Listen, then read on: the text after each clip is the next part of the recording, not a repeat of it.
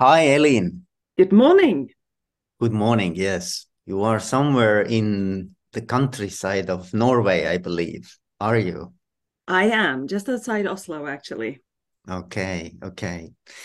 And um, I'm from Tallinn, snowy Tallinn, but it's it's also very cold and it's already winter here. So uh.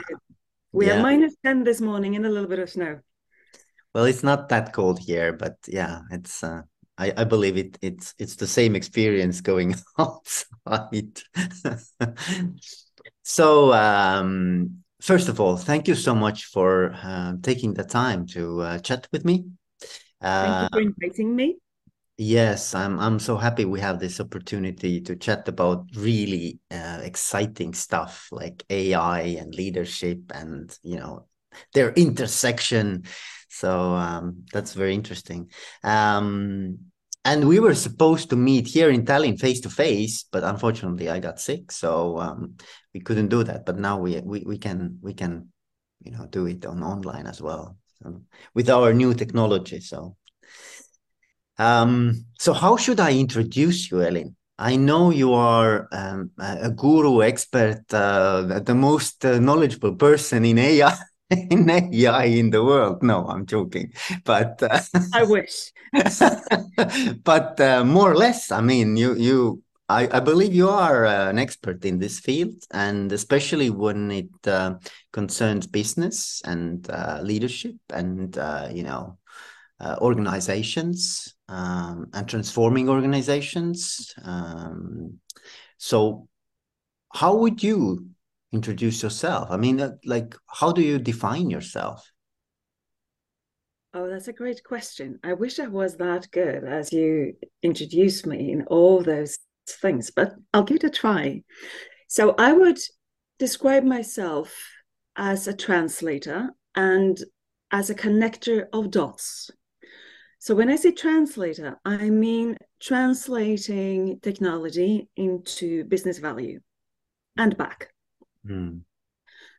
And when I say connector of dots, I mean connecting the different domains of expertise and how AI isn't just a tech tool, but because it is based on mathematics on large amounts of data, it is intertwined with so much more we do in business, uh, in decision making, in how humans work, both in private life and in business, I mean, uh, in everyday life, and psychology, and the way also AI is intertwined with what everything that happens in our society because it has the power to influence our behaviors in a completely different way than what we are used to.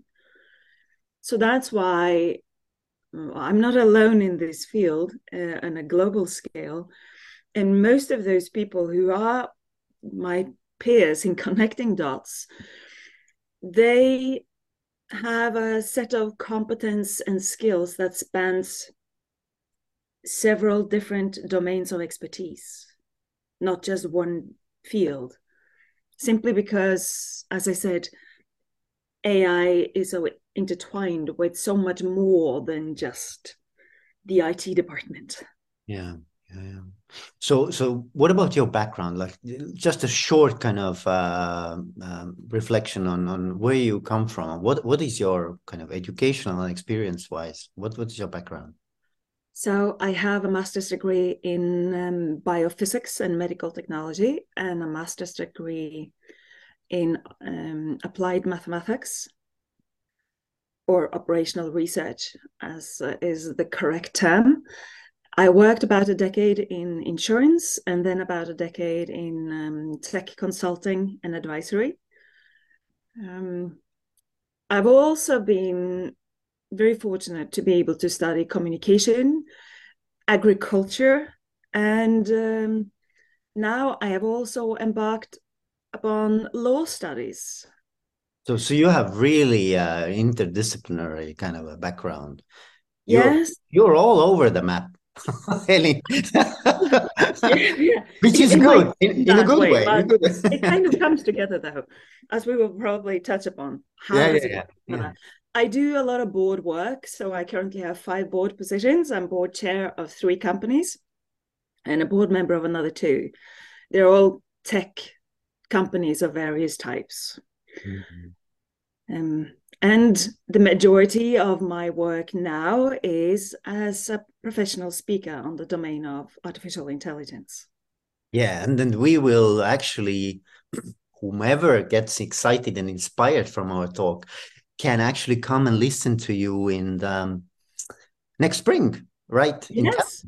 um, Estonia's Human Resource Association has an annual conference where you will be a keynote speaker. So um, just a teaser for anyone who get uh, interested in in in you and in the topic of AI um, in HR. So I'm looking very much uh, forward to that. And actually, that will be the fifth time I am in Tallinn to talk about artificial intelligence in various shapes and forms.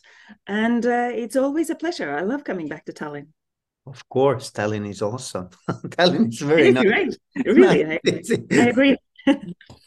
Um, and and I know you are also uh, practicing kickboxing. yes, you're a lucky one today. I don't Kickboxing, see yeah, you-. No, no bruises, but um, this time, but uh, but I've seen some pictures where you have bruises. Yes. Um, and how does that connect the dots in your life? Okay. So um, I forgot to tell you that during all this, I also had a time almost 20 years ago uh, to train as a personal trainer. So I've always been interested in physical activity and training and sports since I was nine years old. So closing in on 40 years, not quite yet, but getting there. I have been doing some kind of sports. So why am I doing kickboxing? And not just kickboxing, it's K1, which is full contact kickboxing. And I've done that for 10 years. Mhm. So the thing is, when you have a very, very busy everyday schedule and a lot of brain work, I mean, my brain is always at work, you need downtime. You need to give the brain space and time to just cut everything out and just go back to zero. And also, physical activity is extremely important. We know that. And to me, kickboxing is uh, well, it covers both of these things actually. The physical training is excellent. I mean, I can't come up with anything that would give me the, the kind of physical exercise that kickboxing gives me. But the mental part of it is as important as the physical part. First of all, uh, it gives a lot of mental training, both in focus, um, the ability to endure resistance, actually continue doing stuff, even if it hurts and it's painful and you don't want to do it. You just you continue doing it. Um, but also this ability to, when you are faced with fear, because full contact kickboxing means that you will get bruises. It does hurt sometimes. We don't go full contact to the head, but I mean, to the body, it can be rather painful sometimes, unless you know how to defend yourself and you're quick and get away. But still, it can get really painful. However, it's a mental game.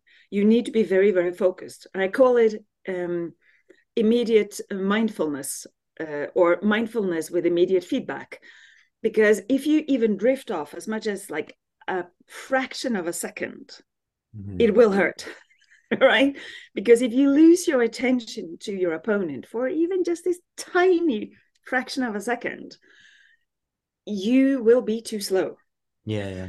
so that's why to me this doing k1 is is really about resetting my brain getting back to mental focus and also practice endurance mental endurance Mm, mm. Focus and discipline. Yeah. focus and discipline very much discipline yeah. without discipline my everyday life wouldn't work yeah.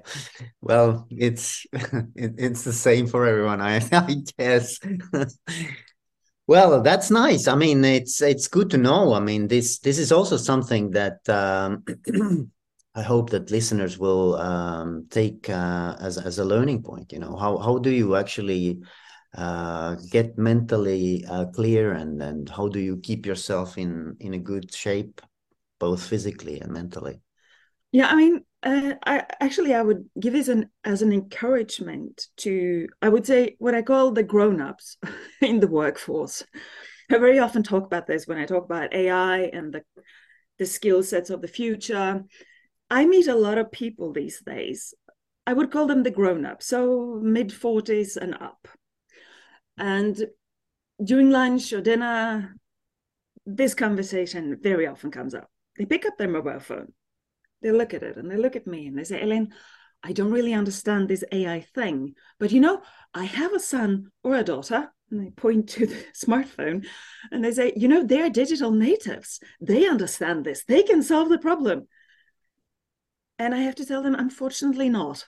They grew up with the interface. Yes, we agree on that. However, when it comes to artificial intelligence, it's not about the interface, it's about understanding how you can use large amounts of data mathematics and statistics to somehow make sense out of those data. Mm. And yes, AI is a bit more complicated than that, but fundamentally, that is what it is about, which means that these young people, even if they're digital natives, they don't understand any more maths and physics and statistics than the more experienced people. Actually, it's the other way around. And when it comes to applying AI and also embracing AI in our societies and our businesses, we need experienced people with skills in so much more as i referred to in the beginning connecting the dots mm-hmm.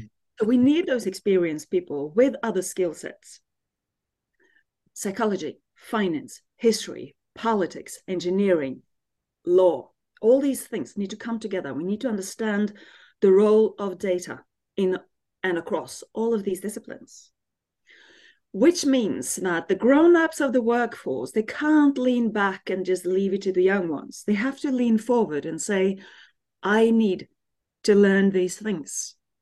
I need to embrace new skills. Because we can't afford that they don't. We can't afford that so many people just go out of business they become irrelevant right we need them in the workforce and they need to stay in the workforce. And the only way to stay in the workforce is to actually understand what's going on. We need them to take part of these conversations. How are we going to put guardrails around AI? But if you're going to have an opinion and be relevant in those discussions, you need to understand enough to be relevant. Because if you just have opinions without understanding, you will be irrelevant, no mm. matter how strong your opinions are. Yeah, yeah. So Coming back to the art of discipline, this means that a lot of grown-ups need to learn new things. And as I said initially, I've started studying law, right? And and to be able to do that, I work more than full time. I will probably work 150%. In addition, I'm studying law part time, which means that without discipline, this wouldn't be possible. So I have to have a very disciplined life. There are things that, well, I'll have to do them later and there are things that I choose to do now. It's my choice. And maybe that's also where the kickboxing comes in and helps me with the discipline to put time frames into my everyday schedule and say now i do this now i do this now i focus on this and the focus part is important right i can't focus on everything all the time i need to kind of box in my focus time and um, so to as an encouragement to the grown-ups out there i mean we tend to think oh we can't do all of this and starting a new study or doing all these other things in addition to working full-time yes you can you just have to make up your mind and do it it hmm. requires mm. a bit of discipline but everybody can do it yeah, yeah, yeah, yeah. I agree. I totally agree, and I also agree that we always have to grow and and learn and uh, so it, it, there are two options. Either you grow or you you kind of degenerate. I mean it's it's it's two options. There's no like other way just to grow and and uh, become you know better and better. And uh and that that's the way life works i think you know but you said something very interesting, which I wanted to um, uh, which I wanted to pick up is is that um, uh, during the lunchtime or whenever you you chatting with with people um, with grown-ups um, that they say that I don't get this AI thing. Mm-hmm. Um, so so let's make it like very simple and clear. What is this AI thing? You know, but let's just define it somehow. Let's let's make it more understandable. Elin, let's help uh, us, help yeah. us, help us. okay, so this AI thing is about mathematical recipes. We call them algorithms applied to large amounts of data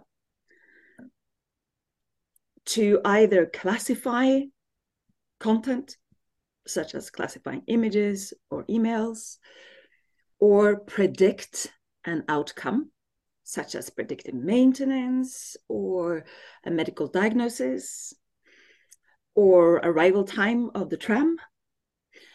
Um, and then we can generate content, and this is what is called generative AI. It is about using the same skills, but to generate images, for example, or text or video. But even when we apply mathematics and statistics to text, it is still about statistics. It's not magic. So when ChatGPT was launched in November last year, suddenly 100 million users around at least mm, the western part of the world, but a bit more than that. But ChatGPT is more a Western phenomenon, actually. Mm, suddenly 100 million users had AI just five centimeters from their noses. And then suddenly people realize, oh, this AI thing is powerful. It is better at writing text than I am, right? Mm-hmm. And whenever we humans encounter something that we don't really understand, and we've done this for hundreds, thousands of years, we dedicate it to some kind of divine force right? The Vikings did that too.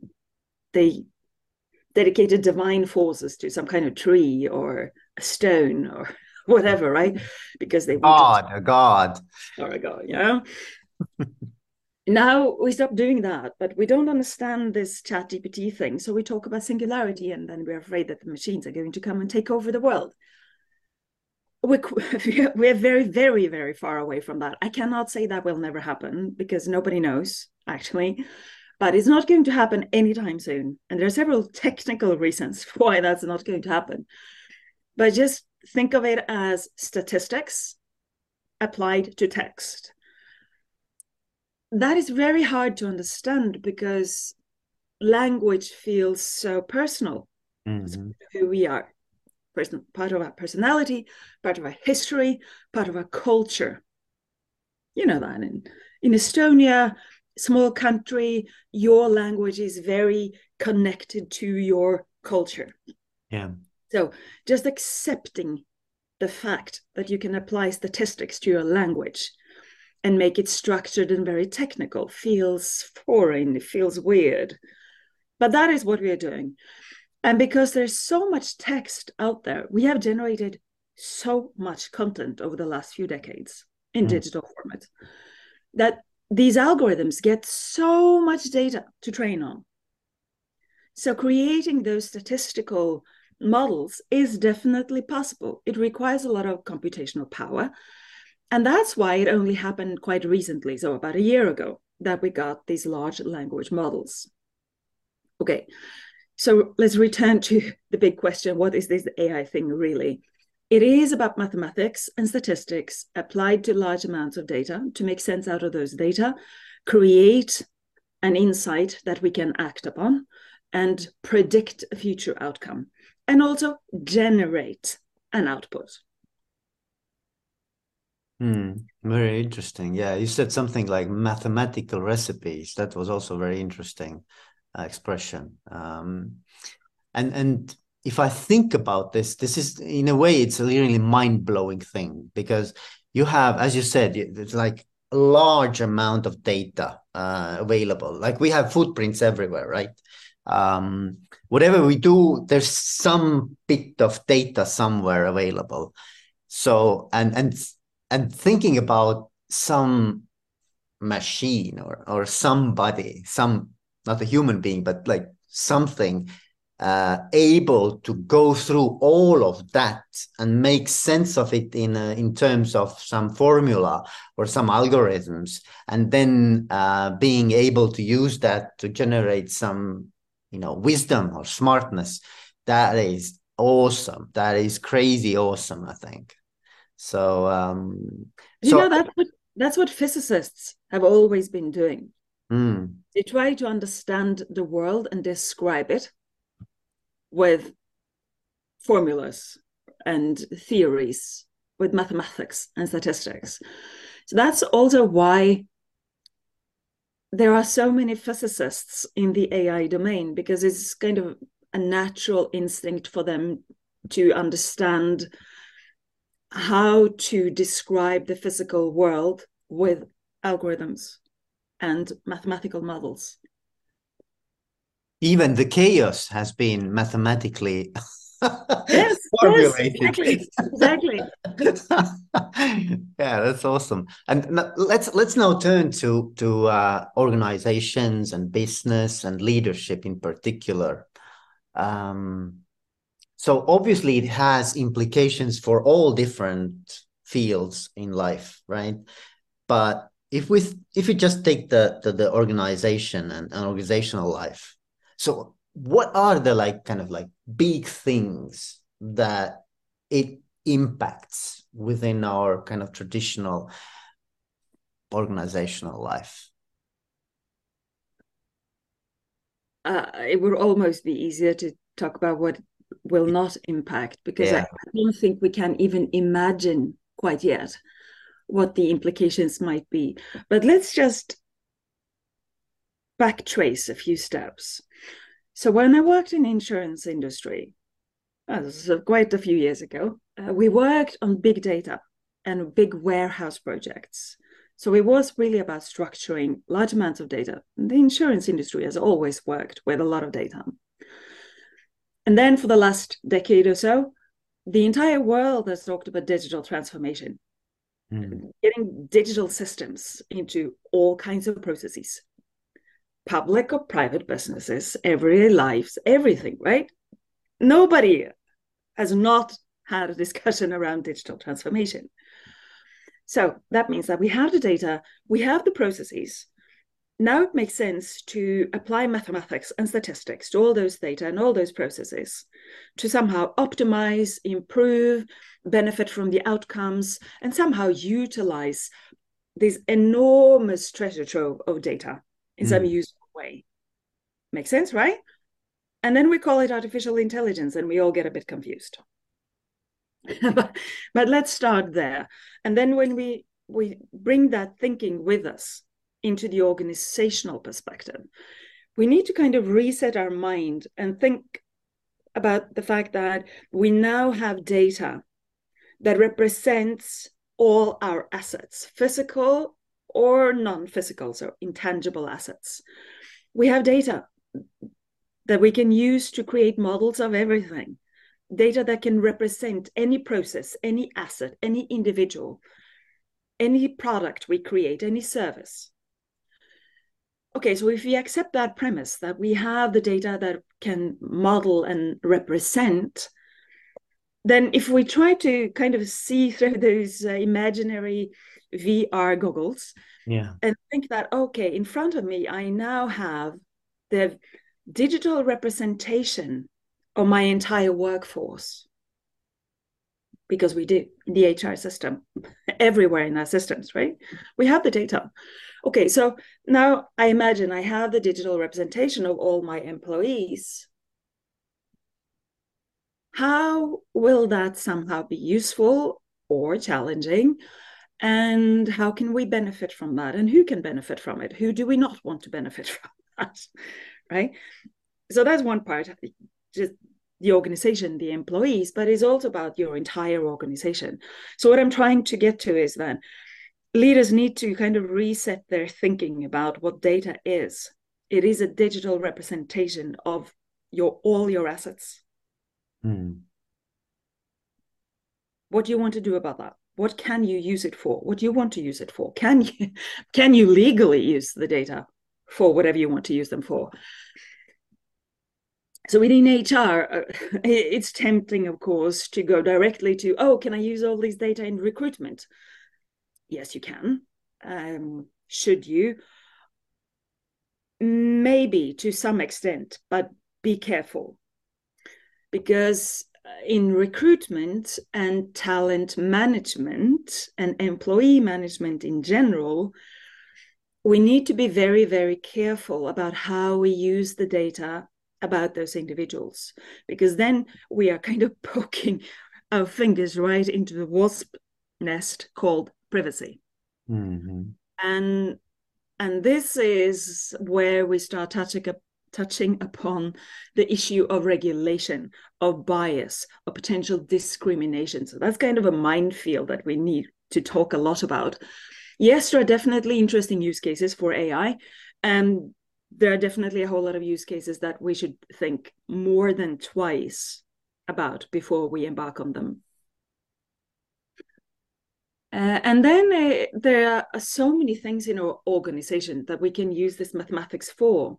I mean, it's just you you name the scenario, and I can give you a few ideas. Let's let's let's just take okay. Uh, let, us take a kind of a traditional view of a leader or manager, right? All the different tasks that he or she um, performs in an organization with the team. So so I I imagine that the kind of a, uh, conception of the managerial roles will will also change like like what does it mean to be a leader or manager in an ai era. I mean it's it it must have some strong implications on how do we actually perform the duties of, of, of a leader. So so what do you think about that? Yeah so that's an interesting question. Um so we often talk about leaders as decision makers. Yeah, yeah. Moving forward, uh, I think we will need to think more of leaders as exception makers because we will have machines, algorithms that will help us to automate a lot of decisions. Not all, some decisions will have to remain strictly human, but a lot of decisions can be automated. Yeah. If you think through everyday life of a manager, a lot of the things he or she does can definitely be automated. But it is really about those decisions where you need to make exceptions because of some kind of happening parameter um, unusual un, un, un, uh, unstandardized situation or circumstance yes exactly all those uh, statistically you know when you have a distribution you yeah. have the tails and the tails of that distribution are those incidents that may happen but they don't happen very often and that's where we will need exception handling and exception management. And right, we need the exception makers. All the average stuff in the middle, we can probably, to a large extent, automate. But it's it's about the exception management and mm. exception making. Mm.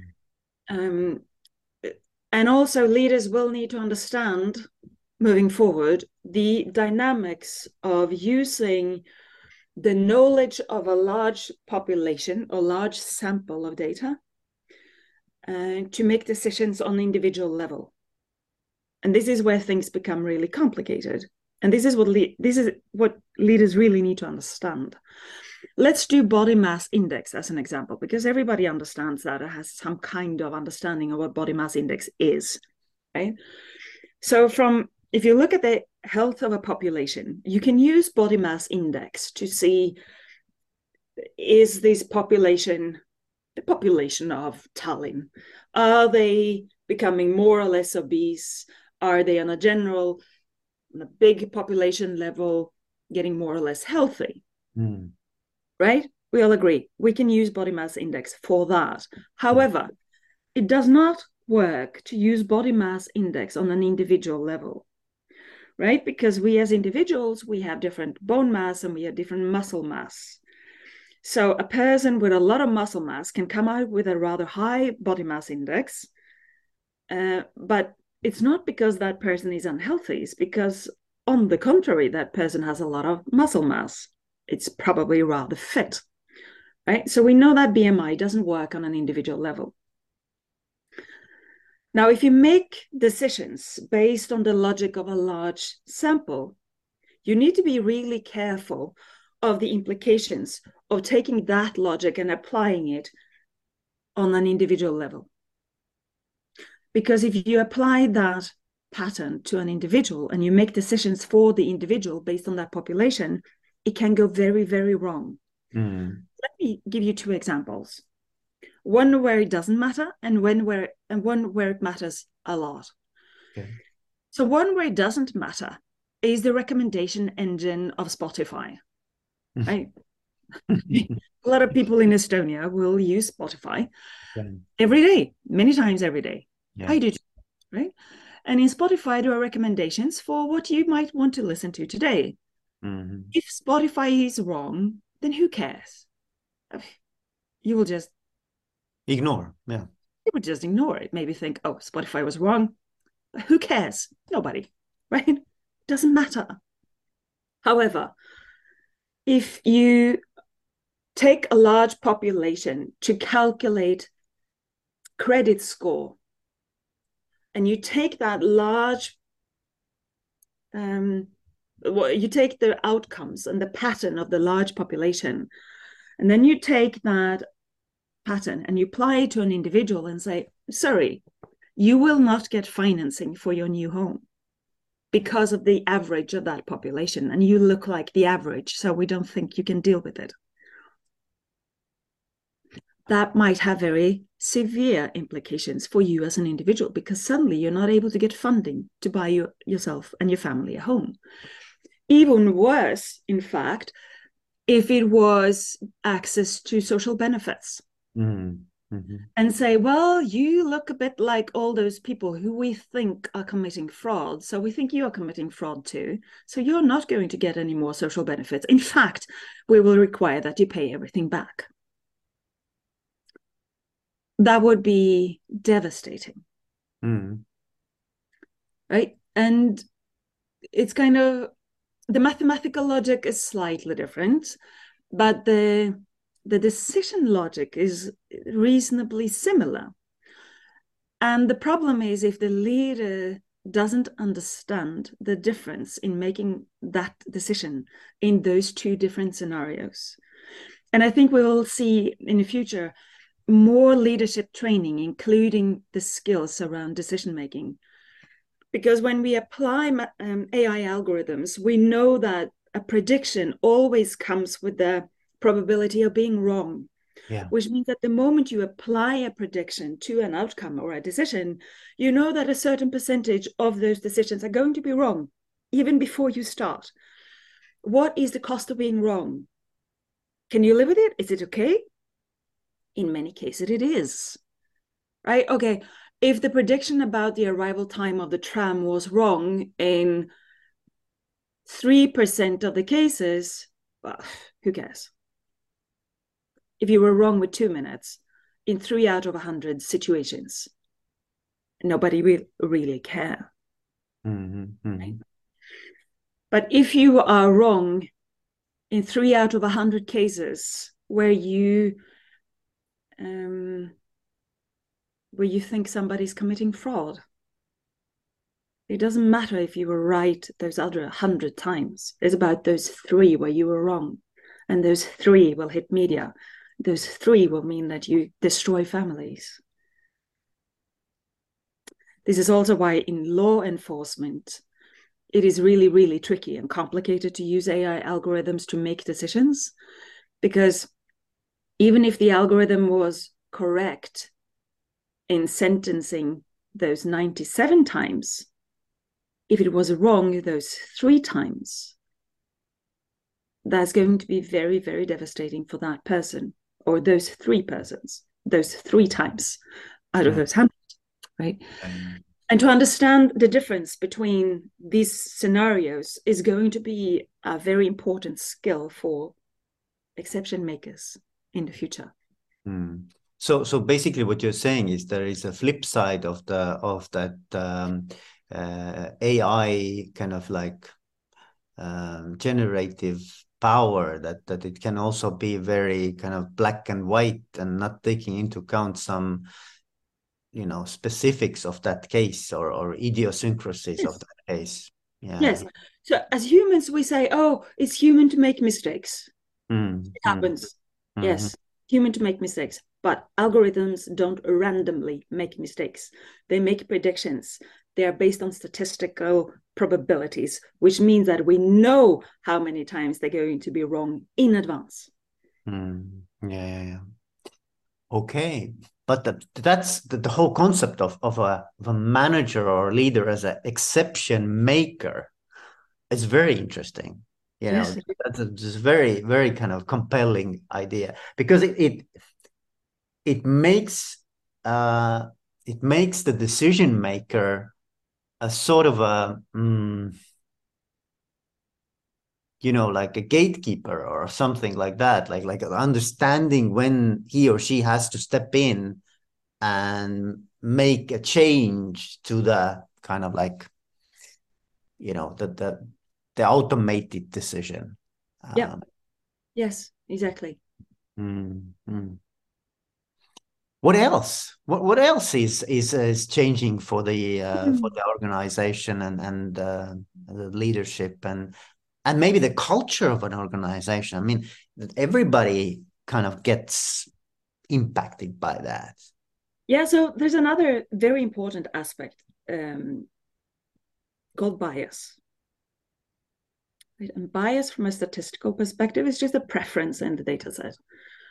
And I do hear some people saying, oh, we need to remove the bias. Well, you can never remove all bias. There will always be bias because whichever way you look at it, a data set, no matter how big it is, is only a subset of the world.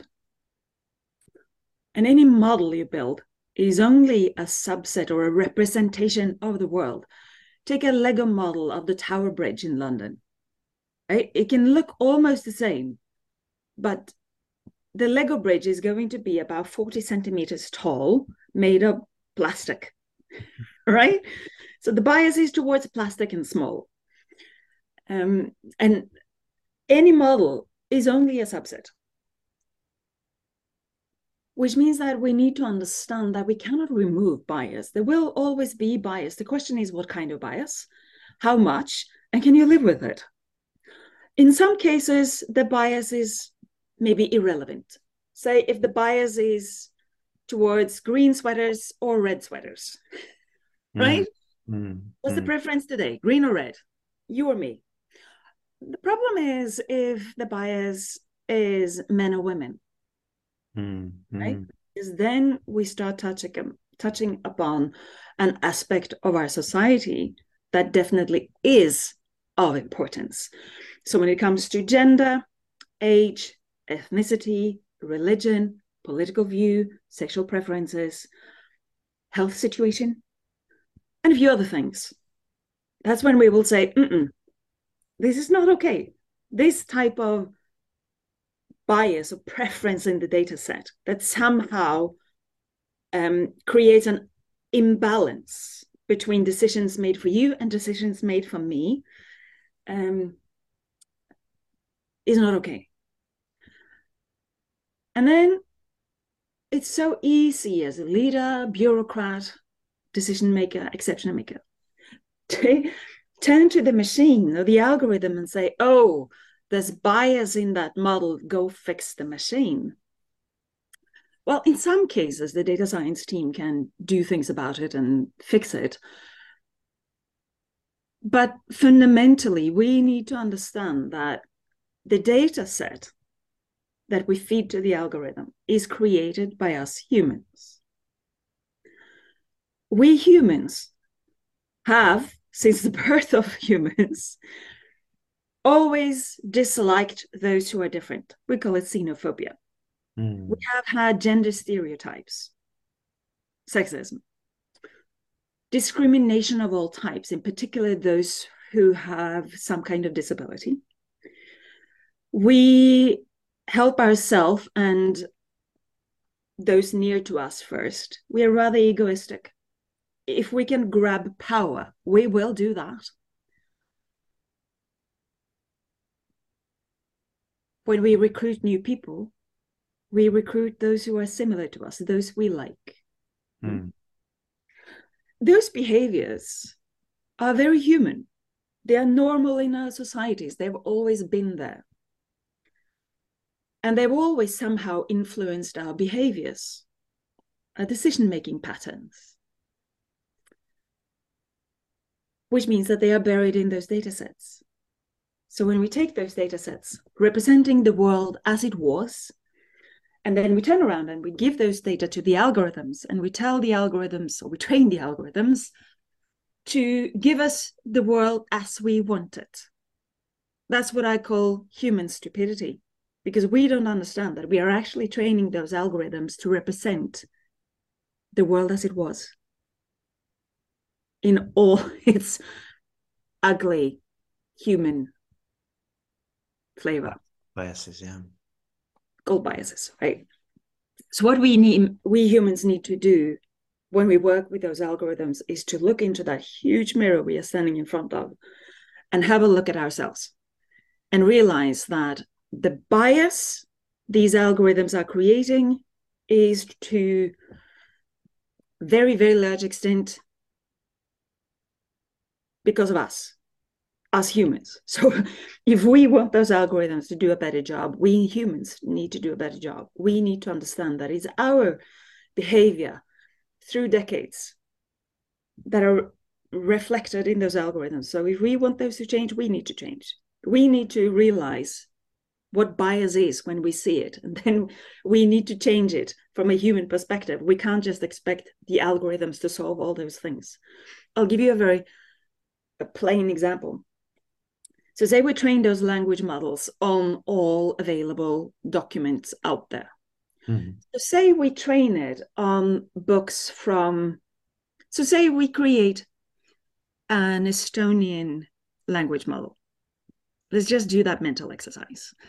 And then we feed that model or that those algorithms to train them to, into a model on Estonian books from the 70s and 80s. And then we put those algorithms into operation. What kind of worldview will those language models then have? On gender roles, on politics, Mm. on economy, because Estonia was a rather different country in the 70s and 80s compared to what it is now, right? Hmm? So the, the what what you basically what you're saying is that the, that the AI doesn't have a self awareness. Of course, it, it doesn't. It, no, no, no, no. it just operates on the data that is available to it. Yes, and when we say, "Oh, is it sentient?" It's just because it's so hard for us to understand that statistics can be applied to languages. I'll, I'll give you another example. So if you chat with ChatGPT, let's just imagine you're chatting with ChatGPT and you're asking it to describe a wolf. There is no drooling beast hanging over your shoulder as you write the question, eh, describe a wolf. Mm-hmm, mm-hmm. Agreed? We get confused when we start asking ChatGPT about love because ChatGPT answers so well about love, can even tell you that it loves you. And then we start thinking, oh, it writes about love. It must have feelings. Yeah, yeah. Okay, let me just remind you there is no drooling beast hanging over your shoulder. It doesn't have any understanding of love. However, love is probably the topic in history of which we have written most books, right? And social media posts yeah. and articles, right? So, love is one of those obvious things where the statistical model works very, very well because there is so much content out there about love. So, this model is just very, very good at putting words together in a very convincing way about love. It doesn't understand the feeling of love, though. Mm. just like there is no drooling wolf hanging over my shoulders. Yeah, yeah, yeah. so so so what's the learning point for for uh for us then? Like like if we're using ai so so we know that it perpetuates our world as it is um you know if there there is a bias then it basically kind of reinforces it. Um so so what's what's the learning point? Tell us Elin that we humans need to design a future of technology and a future of AI that is human more, not human less. We need to take control and take responsibility. AI is not going to take over the world anytime soon. However, we can create a complete mess unless we humans are able to harness the powers of AI. To be able to do that, we need people, leaders, everybody in the workforce to understand enough about AI. They don't have to become data scientists. They only need to understand enough to be able to embrace it in a value creating way and to make sure that we don't abuse the powers of mathematics with the wrong intentions to wreak havoc in our society or destroy value for our businesses or to somehow discriminate towards our fellow citizens in our societies. Mm. But we, I'm, I keep coming back to the need to understand enough to take and to be able to um, contribute to these discussions in a in a um, constructive way, but also to be able to say, no, not this this is too far or this is going to go wrong or this isn't fair. But to be able to have those discussions you need to understand enough about the dynamics of the data as i said a little while ago. Yeah yeah. Hmm, so what do you say to those people who are afraid that um, that their job might be in jeopardy because of the ai like like like what what do you think about that? Like like how do you approach this so some jobs will disappear. Majority of jobs that will disappear is because people will be replaced by people who understand how to use the technology. Mm-hmm. mm-hmm. Um, things will change. I mean, they have all through those industrial revolutions we've been through, and it will again. So I think also when it comes to to which extent will jobs disappear, again, it's about being able to uh, embrace, utilize, work with technology in a way that makes you relevant in society. If you just stick to what you've always done and expect to be doing that for the next 30 years, you are probably going to lose your job. Because mathematics and data will make uh, quite a lot of things automized and we can use these algorithms to do stuff like writing text for us. But it so just to do to use uh, journalism as an example like simple writing of short texts copywriting simple content creation for marketing and also some uh, there's the I would what I would call the mundane parts of journalism. So sports results and simple fact reporting.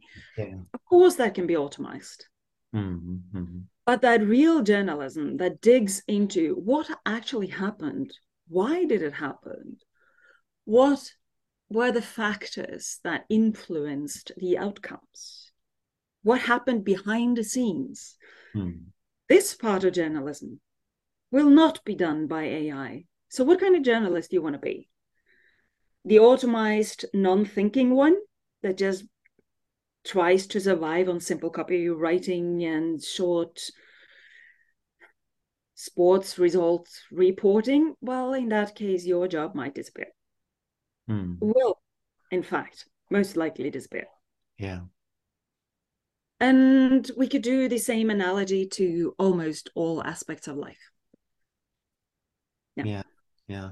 So it's interesting that that basically um, can we say that uh, if you embrace ai if you embrace this technology um, you actually kind of release a, a chunk of your time that you might now use for kind of generating the fact-based text um, and use it for a more kind of like investigative or kind of like a you know um, trying to understand the kind of like root causes of the whole phenomena so so you are actually um, freeing up some resources for yourself and letting the AI do the kind of a more mundane work for you. Is is that fair enough to say? Yes. I would add a couple of things though. It's not just actually the mundane part, but I, so I need to do a lot of research uh, on a whole lot of different things. Uh, so when I'm going to do a new a keynote for a new client, like I was doing a keynote for the London Bullion Market Association. I know nothing. I knew nothing about gold trading. Do you know anything about gold trading? Not really. I mean, I'm I'm not into that. exactly. Who's into that? But they are, right? And so I had to understand quite a bit about gold trading very quickly. And they had a, con- a code of conduct that I, for this reason, needed to understand. It was 40 to 45 pages long, legal English text. So who volunteers to write or to read 42, 45 pages of legal English text and do it quickly? Right. so rather what I did was sorry. So I went to Bing and I just asked for a short summary that took me three seconds to write the question, uh, three seconds for Bing to create the outcome or mm. the result. Mm-hmm and took me about four seconds to read it. So in 10 seconds, I had an overview of what that code of conduct contained. Mm-hmm, mm-hmm. Then I could decide, do I need to read the details? No, I didn't. That was enough. I understood kind of the, the core of the code of conduct. and this is just one example. And I do this a lot every day. So I need to understand something about something, a new client or a new topic, and I just need to look something up. Now, if you use Google, you would get a lot of search results, but you would have to go through each search result to verify and to not just to verify, you needed to read actually the content and check is this relevant? No, next one. But with the large language models, um, Google is working on it, but the good old Google search is still mostly good old Google search. Uh, Bing is doing it as using GPT-4 just like ChatGPT. And there are several others, but the point is that these search engines that also utilize large long- language models, they will synthesize an extraction of the different sources to actually give you a paragraph of the synthesized content. Um, Microsoft, no, sorry, McKinsey uh, has created their internal tool called Lilli uh, to synthesize, extract, analyze, um, create content based on what a hundred thousand documents that they have across 40 sources. Like McKinsey, they've been in business for a while. Yeah. They have a treasure trove of information and knowledge yeah. in a lot of documents. And if you're going to read all those documents, it will take a lot of time. But now they can use these new tools and to create that extraction. And of course, you will have to verify are these details correct? Are the references correct? Are the sources real? Does this make sense? Yes, of course, you need to do that. You still need to apply critical thinking, mm. but it creates a first summary that gives you an indication of which direction you going to go.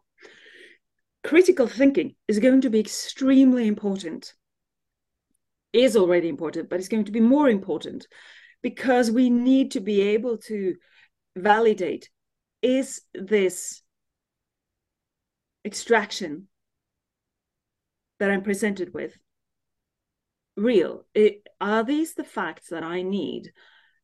Is it is it correct or are these facts correct? Are they somehow hallucinations? In that case, I need to get them out. Mm. Uh, are other facts missing?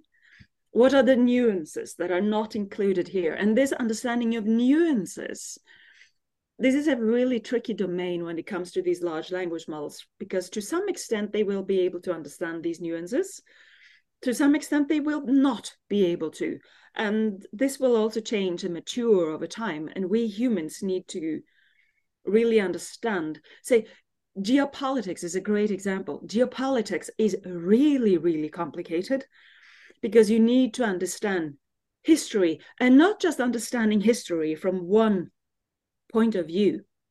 You need to understand history from many different points of view. Mm-hmm. Those large language models do not do that. They only give you one point of view. But in geopolitics, we need we know that we need to see things from different perspectives to really understand the various conflicts. And they typically include understanding of economy, of politics, of democratic traditions or lack of democratic traditions, um,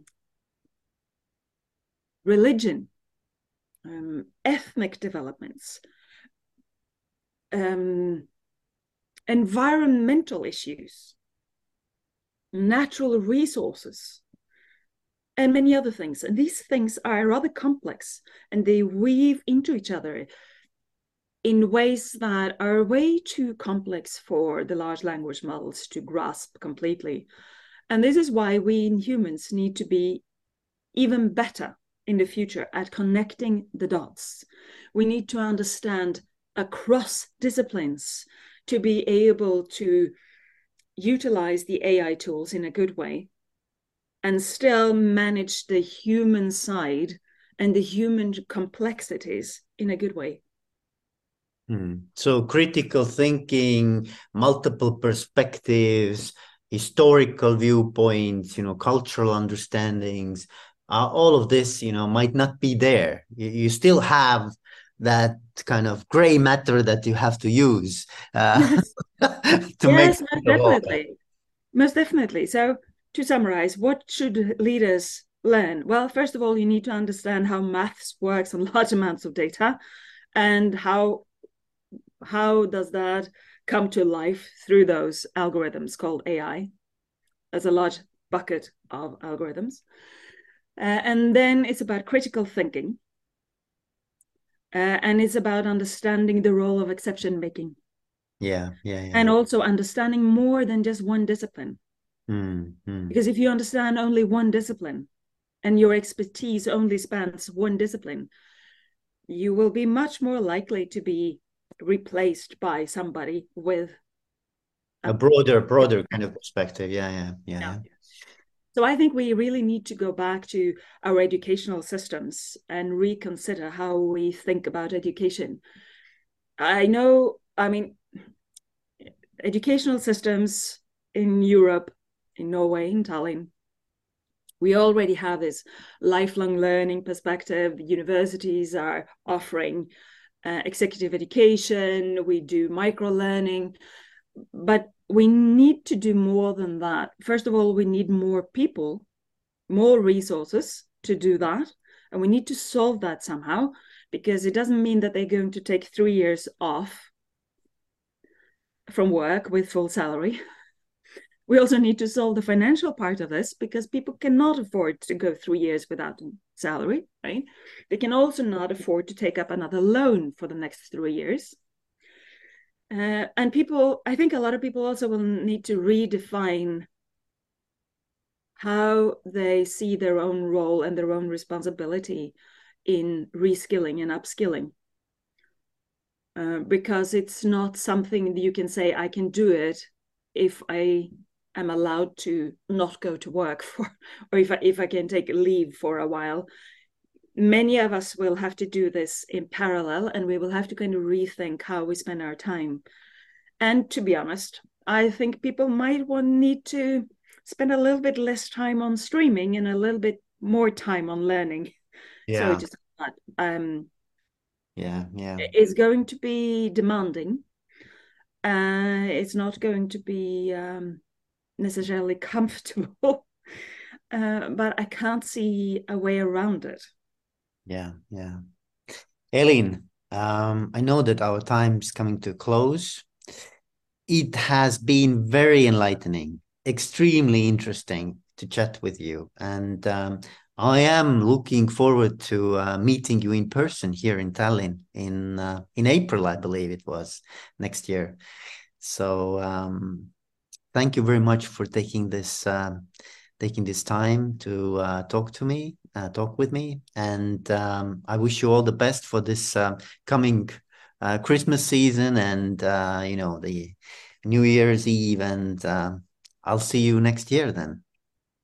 Thank you for inviting me. Um, and I'm looking very much forward to meeting you and all the others in uh, Tallinn in April.